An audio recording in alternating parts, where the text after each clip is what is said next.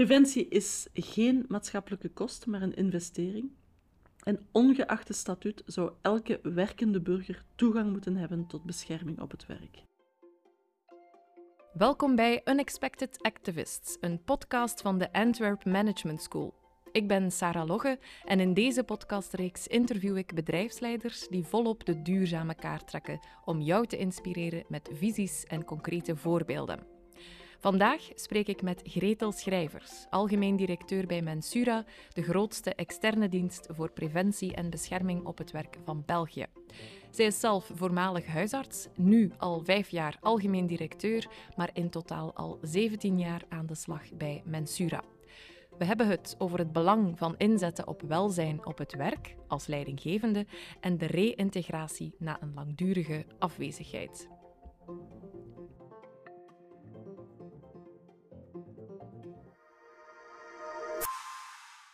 Dag Gretel, welkom bij de Unexpected Activist uh, podcast. Jij bent uh, sinds vijf jaar algemeen directeur bij Mensura. En jullie hebben als doel betere werkomstandigheden te creëren en uh, zetten in op preventie, veiligheid en gezondheid. En een belangrijke focus daarbinnen is welzijn op het werk. Maar wat mogen we eigenlijk verstaan onder welzijn? Welzijn is eigenlijk een uh, verzamelnaam van, van factoren die allemaal betrekking hebben op de context waarin iemand werkt. En dus je hebt al een aantal zaken aangehaald, zoals veiligheid, zoals gezonde uh, werknemers, zoals uh, psychosociaal welzijn en dergelijke. Dus dat zijn allemaal factoren die deel uitmaken van welzijn op het werk. En eigenlijk vind ik persoonlijk dat dat al een begrip is dat wat achterhaald is, want wij spreken tegenwoordig van corporate well-being. Dus nog een veel breder begrip, waar dat we zien dat heel veel bedrijven toch beginnen op in te zetten en het belang daarvan ook inzien. En waarom is het, is het zo belangrijk om als leidinggevende aandacht te hebben voor het welzijn van je werknemers? Wel, voor mij is dat heel eenvoudig, want werknemers zijn nu eenmaal het uh, belangrijkste kapitaal van een organisatie. Uh, en als we dan kijken, anderzijds, dat er toch heel wat hoger cijfers zijn rond uh, langdurig zieken. En er is anderzijds de knelpuntberoepen en dergelijke. Ja, dat zijn allemaal zaken die uh, toch wel maken dat we moeten investeren in werknemers en in uh, mensen die zich goed in hun vel voelen. Dus dat is wel een heel belangrijk. En we zien ook trouwens dat bij jonge werknemers dat belangrijker wordt, ook bij uh, vacatures. Dus wij zien zelf ook bij ons eigen bedrijf als wij niet zouden inzetten op welzijn op het werk, dan zijn heel wat mensen die komen postuleren die gewoon afhaken. Dus ook daarvoor, voor het employer branding verhaal van een bedrijf, is welzijn en inzetten op welzijn toch wel een hele belangrijke. Ja. En waarom dan die leidinggevenden? Wel ja, die staan nu eenmaal het dichtst bij de werknemers. Zij zijn degenen die de, de werknemers rechtstreeks aansturen. Zij zijn de ogen en de oren van een bedrijf en kunnen ook de eerste signalen opvangen als er iets zou, zou mislopen. Nu, dat is gemakkelijk gezegd, maar dat is niet altijd gegeven aan elke leidinggevende, hè, want dat, dat vraagt toch ook wel wat, uh, wat competenties. Daarom dat wij ook zeggen dat het toch wel heel belangrijk is om leidinggevenden daar ook in te begeleiden en te helpen om die competenties te ontwikkelen en die signalen op te vangen. En trouwens, ja, we zeggen het altijd, de leidinggevende moet dit en moet dat, maar er wordt heel veel verwacht van die leidinggevende. Dus ook die leidinggevende zelf moet goed in zijn vel zitten en moet de voldoende aandacht hebben voor zijn eigen welzijn, want anders kan hij dat ook niet uitdragen naar de werknemers toe. -hmm. En worden werkgevers en leidinggevenden vandaag voldoende ondersteund om het welzijn van hun werknemer en van zichzelf uh, te garanderen? Wel, in eerste instantie natuurlijk zijn de werkgevers zelf aan zet. Hè, want er is een welzijnswetgeving die hen verplicht om, om bezig te zijn uh, met uh, welzijn op het werk. Nu, ze kunnen dat ook natuurlijk zelf doen, maar vaak doen ze ook wel beroep op uh, andere instanties, zoals bijvoorbeeld Mensura, een externe dienst, die hen helpt om een heel welzijnsbeleid op te zetten in het bedrijf. Nu, is daar nog ruimte voor verbetering? Uiteraard. Ik denk dat we het altijd beter kunnen doen. Uh, uh, maar we zien toch ook wel in onze eigen cijfers dat werknemers en bedrijven veel meer bezig zijn met dat welzijn op het werk. En een aantal voorbeelden daarvan zijn bijvoorbeeld de SONAR-analyse die wij doen in bedrijven. Dat is een analyse naar het psychosociaal welzijn van de, van de werknemers ja, wij zien dat die uh, vraag naar dat soort analyses met 20, 30 procent is toegenomen de laatste jaren. Dus dat is toch wel indrukwekkend. En dat betekent dus dat bedrijven zich meer en meer bewust zijn ook van het belang van welzijn, zowel fysiek, maar ook psychosociaal welzijn. Uh, verder zien we ook dat ze een ruimere begeleiding vragen op psychosociaal welzijnsvlak. Uh, en dat bewijs daarvan is ook dat onze dienst psychosociale uh, aspecten enorm is toegenomen. We hebben eigenlijk continu aanwervingen lopen voor psychologen om ons te helpen in het beleid bij de bedrijven. Dus die vraag neemt dus wel degelijk toe. En dat betekent ook dat de bedrijven de weg gevonden hebben naar externe hulp om hen daarin te ondersteunen welzijn is iets hè, wat al uh, langer onder de aandacht is. Ook zelfzorg uh, is iets wat nu steeds vaker uh, in media ook gewoon aan, aan bod komt. Maar waarom is er nu pas aandacht voor welzijn in de werkcontext en niet alleen meer in die privésfeer? Hoe, hoe is die, die verschuiving ontstaan? Ik denk niet dat we mogen zeggen dat er voordien geen aandacht was hè, voor welzijn in de werkcontext, want de welzijnswet bestaat al 25 jaar, dus dat is toch al eventjes. Uh, maar we zien wel dat het belang de laatste jaren is toegenomen daarvan. En ik denk dat de COVID-crisis die we hebben doorgemaakt alles nog in een stroomversnelling gezet heeft.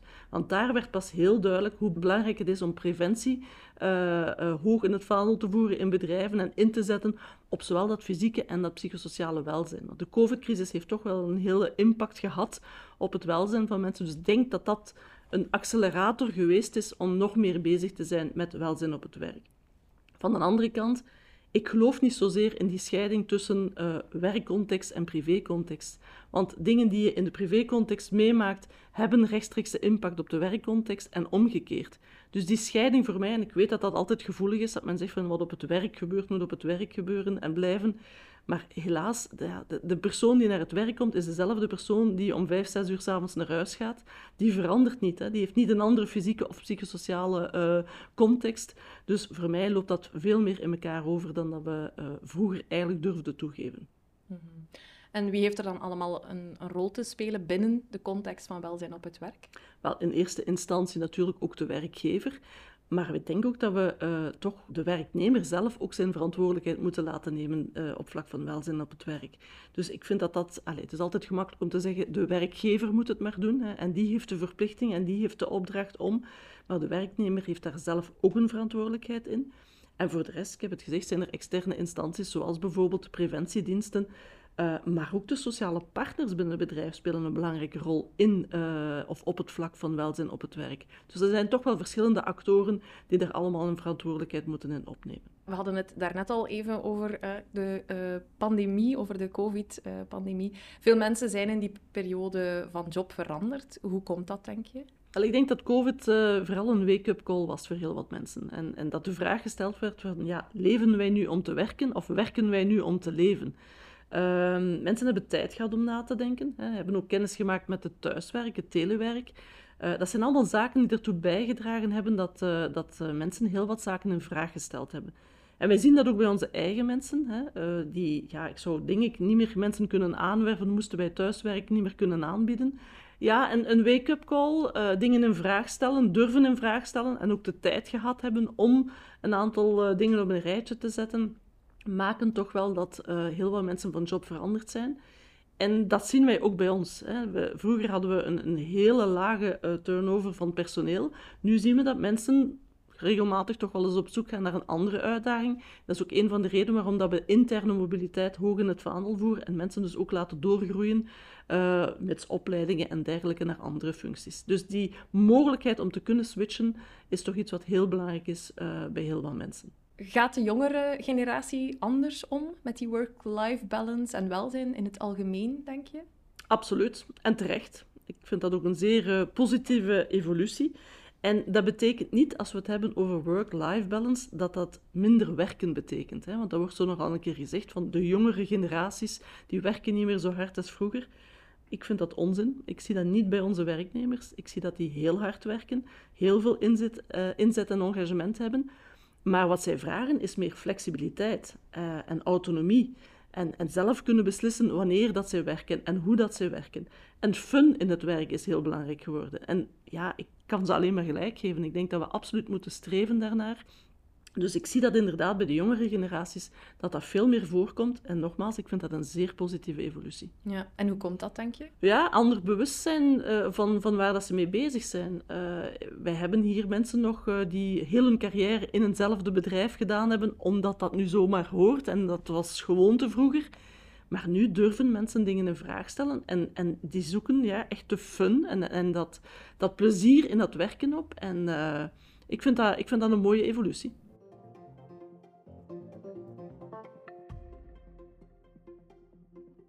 Ja, naast het positieve aspect van dat er meer aandacht komt voor welzijn op het werk, uh, hebben we helaas ook nog te kampen met het negatieve aspect van de burn-out. Is nog lang niet uh, verdwenen uit onze samenleving. Maar wat mogen we begrijpen onder een burn-out? Wel, een burn-out is eigenlijk een eindfase van een langdurige oververmoeidheid, uh, overbelasting en een fase waar dat iemand heel veel stress beleefd heeft. Uh, het komt ook van burned, hè, opgebrand zijn, niet meer kunnen. Dus echt een toestand van fysieke en psychische oververmoeidheid, zodat mensen niet meer verder kunnen. En zijn er manieren waarop je dat als uh, werkgever kan voorkomen? Ja, nu ik wil toch eerst al zeggen van dat is niet alleen de verantwoordelijkheid van de werkgever. Hè, want er wordt vaak nog alles uh, met een vingertje gewezen naar de werkgever. Het is de fout van de werkgever en die moet zorgen voor en zo verder. Het is op zijn minst een gedeelde verantwoordelijkheid. Um, de werkgever van zijn kant kan natuurlijk uh, proberen om de werkcontext zo goed mogelijk af te stemmen op de werknemer. Wij spreken altijd van het inschatten van de belastbaarheid van de werknemer en dan kijken welke werkbelasting hij aan kan. Dus dat is inderdaad wel een taak van de werkgever om daarop te letten. En ook anderzijds om de eerste symptomen op te vangen hè, van moest er iemand toch uh, worstelen met overbelasting. Dat is één zaak. Maar ook de werknemer heeft een verantwoordelijkheid. Hij moet zelf ook aangeven uh, en aanvoelen van wat kan voor mij, wat kan niet voor mij, wanneer uh, ga ik over mijn grenzen heen en hoe kan ik dat dan ook bespreken met mijn leidinggevende. Dus dat is toch een, een verantwoordelijkheid die we eigenlijk bij, bij beiden zien en zeker niet alleen bij de werkgever. Trouwens, een burn-out is niet enkel uh, aan werk gerelateerd want ook dat wordt vaak gezegd, het is het werk dat. Nee, vaak is er ook al een privécontext, een persoonlijke context, die maakt dat mensen ook gevoeliger zijn aan een overbelasting op het werk.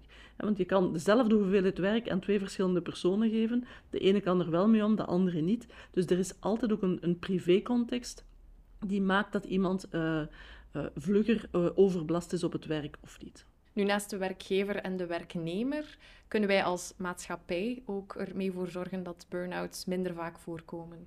Absoluut, en dat gebeurt toch, of dat kunnen we laten, laten uh, gebeuren door maximaal in te zetten op preventie. Dat is, dat is voor mij uh, een, een non-issue. Uh, en ik denk dat we daardoor heel wat ergere situaties kunnen voorkomen. Nu, je moet weten, eens dat iemand uitgevallen is en in een langdurige ziekte terechtkomt, dan is het heel moeilijk om die mensen terug naar het werk te begeleiden. Uh, ik kom altijd met het voorbeeld, uh, het is al heel lang geleden, 2200 jaar geleden in China.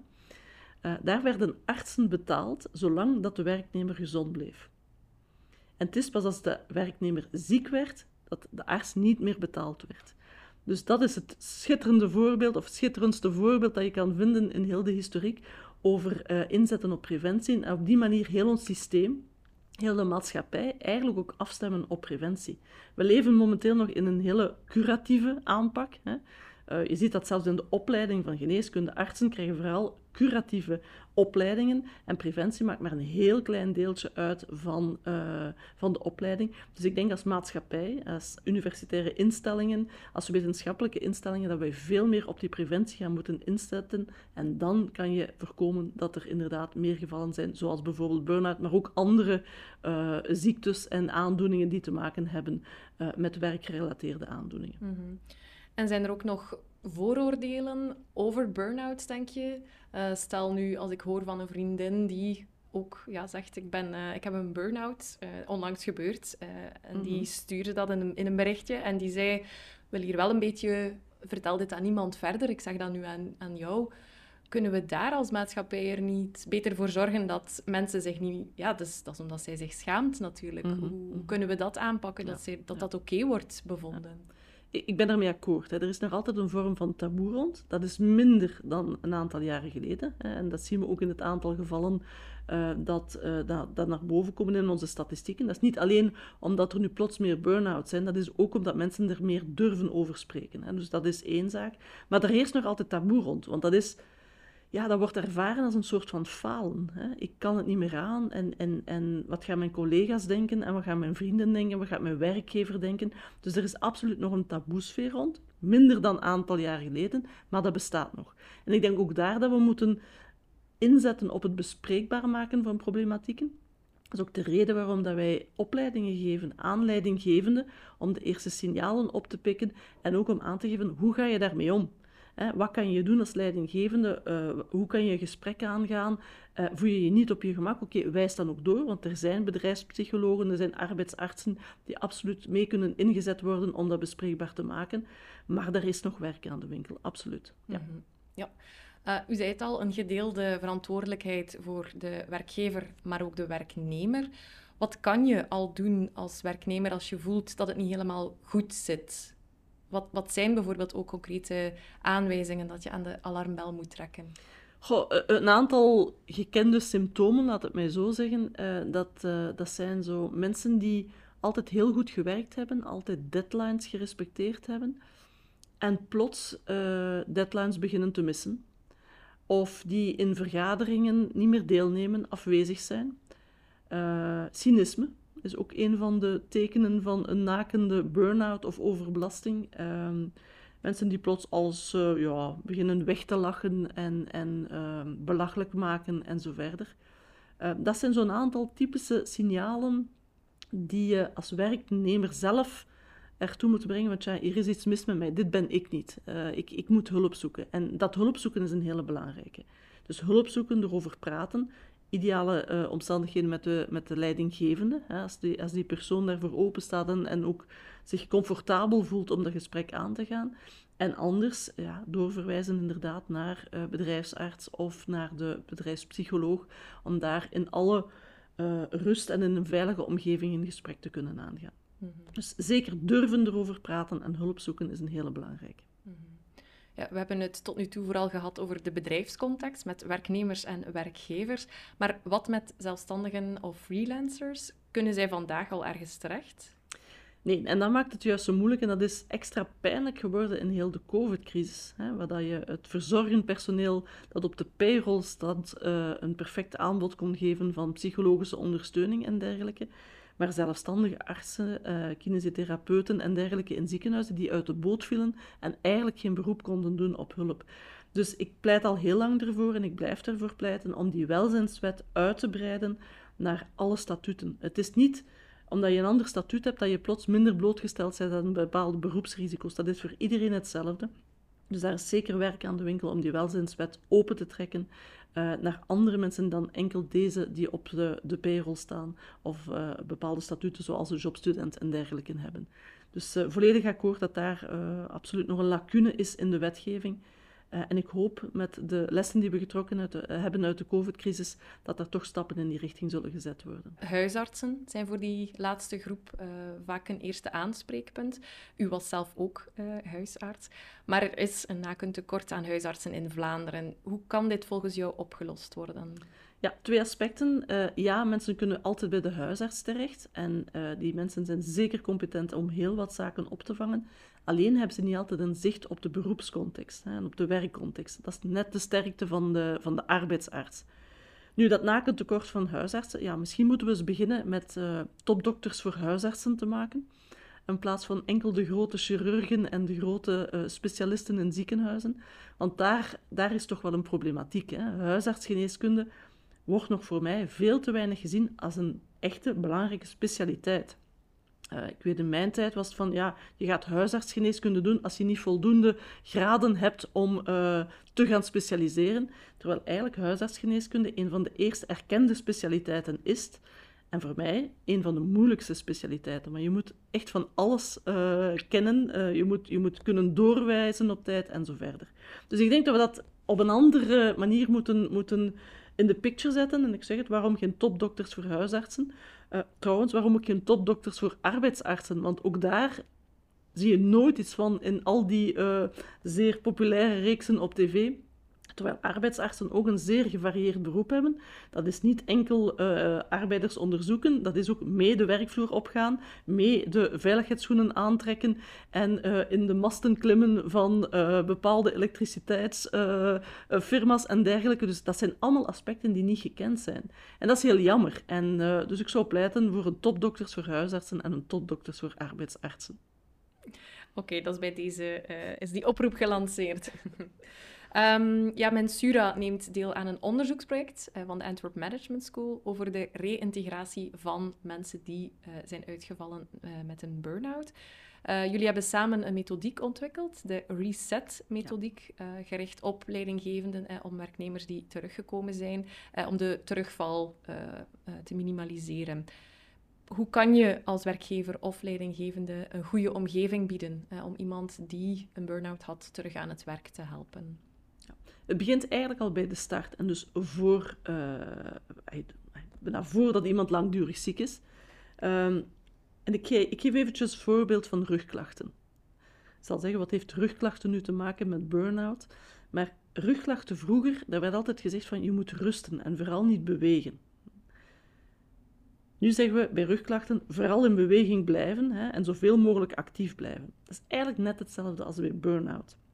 Bij burn-out zeiden we in het begin, je mag vooral geen contact houden met het werk en met de werkgever. Je moet echt afstand nemen en, en niet te veel weten van wat dat er op het werk gebeurt.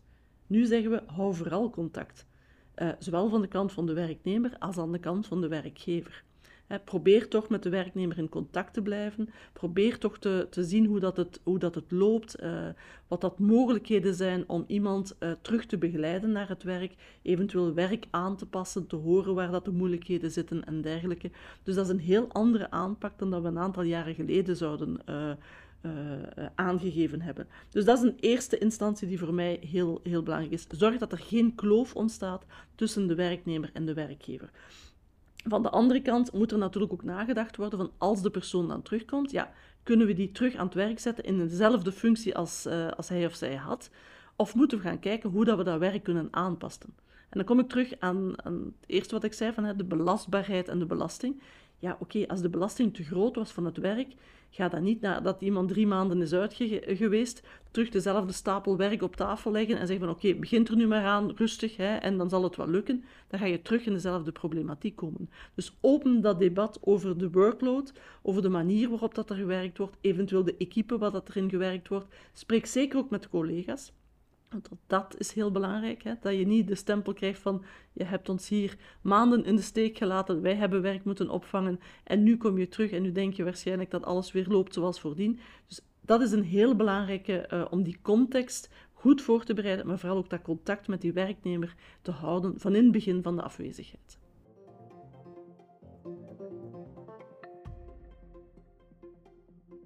Naast de meer gekende termen van welzijn en burn-outs, zetten jullie bij uh, Mensura ook in op verzuim. Mhm. Jullie zijn in 2022 een onderzoekstraject gestart samen met de Antwerp Management School naar de impact van absenteïsme-interventie.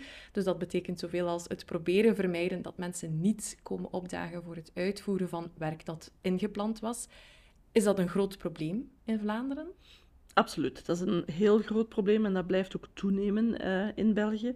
Uh, ik heb hier een aantal cijfers meegenomen, want in 2021 was het arbeidsongeschiktheidpercentage volgens cijfers van SD Works gestegen naar 6,13 procent ten opzichte van 5,33 procent in 2019. Dus, dus toch wel een forse stijging.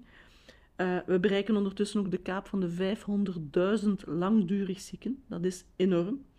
Uh, en als je weet dat een jaar uh, langdurig ongeschikt zijn 50.000 euro kost uh, aan de maatschappij, ja, dan zitten we volgens een recente studie van Federgon ondertussen aan gederfde inkomsten voor de overheid. En ik lees het hier af, 21,2 miljard euro. Dus ik denk dat het duidelijk is dat we daar met een grote problematiek zitten en bijkomende acties moeten ondernemen. Dat is één zaak. Aan de andere kant zitten we ook met de krapte op de arbeidsmarkt. De war for talent, we hebben het daar al over gehad. Ja, dat maakt dat we echt wel moeten inzetten op het terugkeren naar het werk van toch heel wat mensen die nog heel wat competenties hebben en die we moeten begeleiden terug naar die arbeidsmarkt.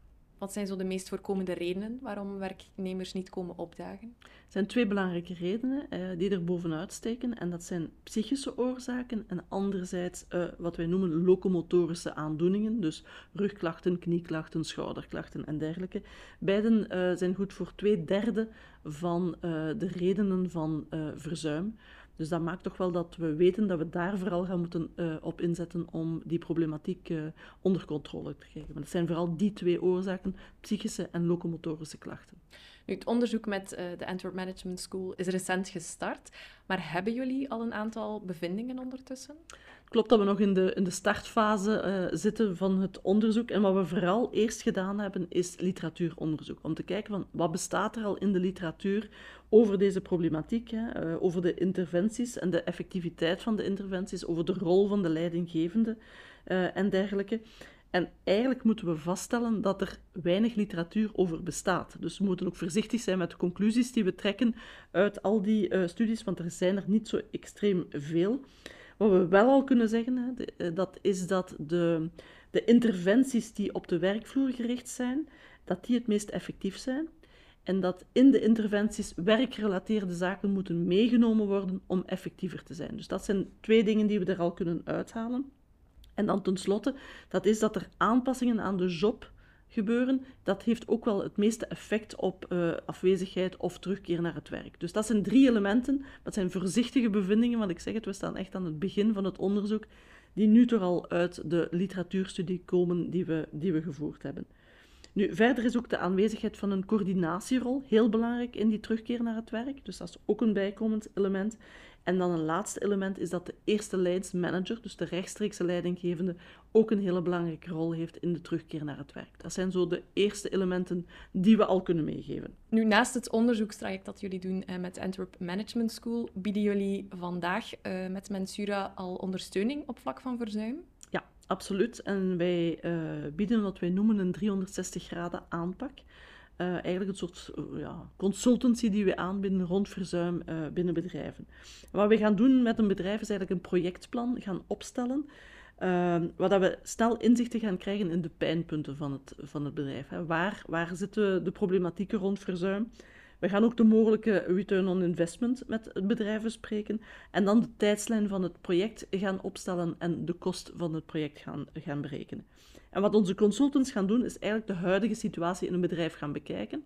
Zien wat de oorzaken zijn van verzuim, waar dat het uh, schoentje knelt, zal ik zeggen. En op basis daarvan dus gaan kijken wie zijn ook de belangrijkste stakeholders in het bedrijf. Wie moet mee het bad ingetrokken worden om een projectplan en dergelijke uh, te gaan opstellen.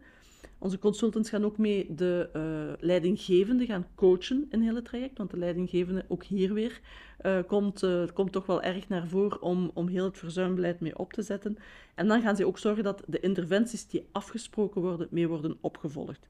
Dus verder hebben we daar ook een digitale oplossing voor en daar zijn we uniek voor in, in België.